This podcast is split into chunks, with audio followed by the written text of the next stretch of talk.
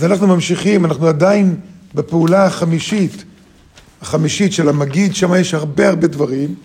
אז דיברנו, דיברנו על, אה, על אה, ארבע הקושיות, בזה סיימנו.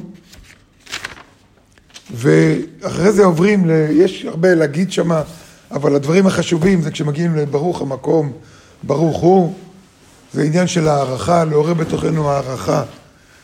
הערכה למה שיש לנו, הערכה למה שאין לנו, לזה שאפשר לעבוד. אחרי זה באים הארבע בנים, חכם, רשע, תם, ושאינו יודע לשאול. זה קטע מוזר, א', למה צריך? כנגד ארבע בנים דיברה התורה. חכם, רשע, תם, ושאינו יודע לשאול. מה זה?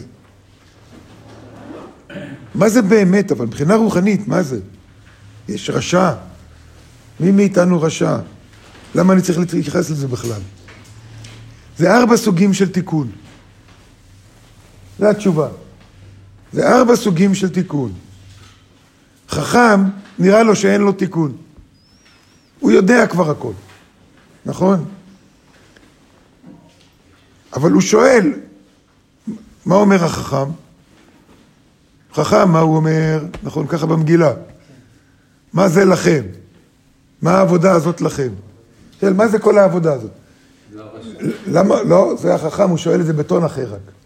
החכם שואל, מה העבודה הזאת לכם? הוא רוצה לדעת, הוא רוצה להבין, הוא מייצג את אלה שרוצים להבין ולא רק לעשות. ולהבין לעומק. לכן הוא חכם. חכם זה לא כמה הוא יודע. חכם זה כמה הוא שואל. כמה הוא עוד לא יודע. וככל שאתה יודע כמה אתה עוד לא יודע, ככה אתה יותר חכם. כשאתה מסתפק במה שאתה יודע, אתה מתחיל להיות פחות מחכם. רוצה להגיד מה זה, אבל פחות מחכם. אז לכן חכם רוצה לדעת כדי לגדול.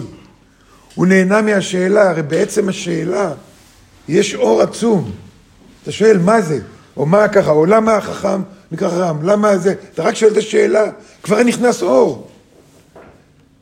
אבל שאלה זה דבר ריק, זה, זה כלי ריק. התשובה ממלא, נכון? אני, כשאני שומע שאלה שלא הייתה לי, אני מתלהב מהשאלה. למה אני מתלהב מהשאלה? זה כמו אם אתה רואה צינור ריק, או צינור בקוטר עצום ריק. אתה מרגיש אותו דבר? לא כשרואים צינור כזה, אנחנו אומרים, וואו, איזה צינור, נכון? כבר מרגישים את העוצמה, אבל אין בו כלום. אז עם השאלה יש בה עוצמה. זה החכם. הוא חשוב לו השאלה. הרשע שואל בדיוק את אותו דבר. אבל מה? רוצה להגיד איזה שטויות, מה אתם עושים? מה, למה אתה עושה את זה? איזה שטויות זה? מה העבודה הזאת לכם, נכון? אבל בצורה שהוא רשע, הוא אומר, זה מגוחך, יש לו ספקות, הוא חוכמולוג, יש לו כל מיני תשובות לתת. הוא יכול להיות רשע אם יש לו גם תשובה. אם יש לך תשובה, אז תעזוב את זה, תשאל את השאלה הבאה. איפה שאין לך תשובה. זה המקום החשוב. לחצתי? כן. תם שואל מה זה. תם הוא הכי מסוכן. תכף נראה את זה. תם, הוא מרגיש שלם, הוא מרגיש בסדר. הוא אומר, מה, טוב, מה, מה, מה כל העניין? מה אתם עושים מזה עניין? בסדר, יצאנו ממצרים, באנו לפה, עושים פסח ונקסט. זה אנשים, זה סוג של תיקון שצריך זעזוע ושוק כדי לראות שאיפה שהוא נמצא, שנראה לו שהכל טוב, הוא לא טוב, כי אם אתה לא בשלב הבא, לא חשוב איפה אתה. לא חשוב כמה ודאות יש לך. אם אתה לא בשלב הבא של הוודאות, אתה לא במקום טוב. אם אתה לא בשלב הבא של התיקון, אתה לא במקום טוב. ולכן תם זה אחד ששמח בחלקו. הוא לא מבין את המשפט מה זה, איזה הוא עשיר, השמח בחלקו. אז מה, זה עשיר, ש... עשיר זה שאין לו והוא שמח, הכל בסדר, יש לי. הוא לא יגדל אף פעם, אף פעם לא יהיה לו יותר. לא יהיה לו גם לחלק יותר. בחלקו זה בחלק ו'. חלקו, חלק ו'. מה זה ו'? זה מה שאין לי, אני כלי. והזעיר על פי זה בדיוק מה שאין לי. הוא שמח בחלק שאין לו, אומר אופי, יש עוד לקחת, יש עוד לקבל, יש עוד לקבל. זה, ואז הוא שמח שיש עוד. עוד לא הגיע אליו, אבל הוא שמח שהוא יכול לעבוד. אז הטעם זה זה שלא רוצה את הדבר הזה. ושאינו יודע לשאול, זה רוב האנשים ש... וכמו שאנחנו היינו לפני שבאנו לקבלה, כשבאנו לשיעורים הראשונים, ידענו שזה מה שנעבור, את החוויה הגדולה הזאת. לא. ידענו את זה? לא ידענו, נכון? זה שאינו יודע לשאול, צריך מישהו צריך לבוא ולפתוח לנו. וזה התפקיד של מורה, וגם של תלמידים ותיקים במרכז לקבלה.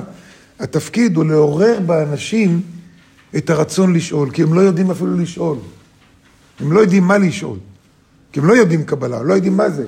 לעורר בהם רצון, זה העבודה שלנו. לא כל כך ללמד כמו לעורר רצון. וזה העניין שאני לפעמים מסיים שיעור עם שאלה והולך, נכון? למה? שלא נרגיש מילוי מהשיעור ונרגיש הכל בסדר. להפך, יראה את הרצון לעוד. וזה שאינו יודע לשאול, מה כתוב? את פתח לו. אתה, תשאל אתה את השאלה, אל תיתן את התשובה באותו רגע. לא חייב. לא חייב. החכם, הרשע והתם, יש להם סיכוי להתקדם. סליחה, ולא והתם. החכם, הרשע והשאינו יודע לשאול, יש להם סיכוי להתקדם. התם מרגיש מלא. הוא מרגיש מלא, וזה אנשים שצריך לזעזע אותם, אחרת, אחרת אה, לא יהיה להם עוד פעם.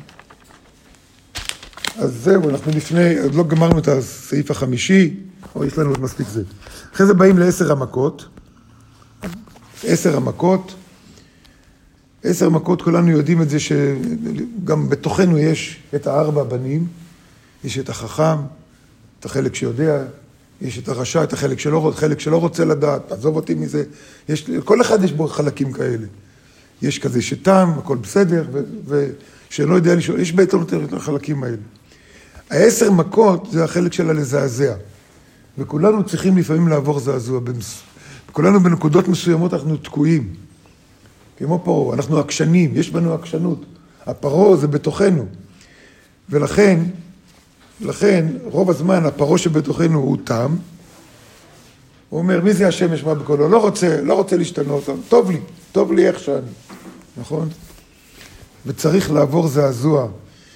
ואלה עשר המכות, זה עשר דרגות של, של, של לא רוצה לדעת. עשר דרגות של עקשנות, עשר דרגות של לא רוצה להשתנות. ורובם בכלל זה, זה תת מודע.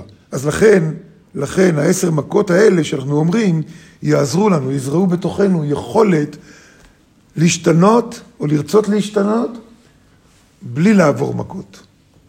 או אם אני מקבל מכה, תכף לחפש את, ה, את המשמעות שלה, את הסיבה, את המטרה, את התכלית הטובה שלה, של הקושי שאני עובר.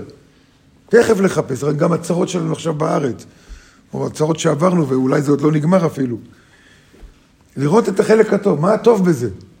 אנחנו מתעוררים, יש התעוררות. יש התעוררות. שני גושים הפוכים, יש גם סכנה, אבל יש התעוררות.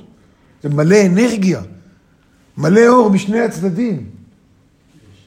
רק צריך לכוון את זה למקום הנכון. רק לכוון את זה למקום הנכון. אז זה העשר מכות האלה. לא לפחד ממכות. כי המכות לא באות עלינו, הן באות על היריב שלנו. נכון, גם אני מרגיש את הכאב. אבל זה לא מכוון אליי. לא מכוון אליי, מכוון אליו. תשע דקות כבר. אוקיי, נמשיך ביום ראשון.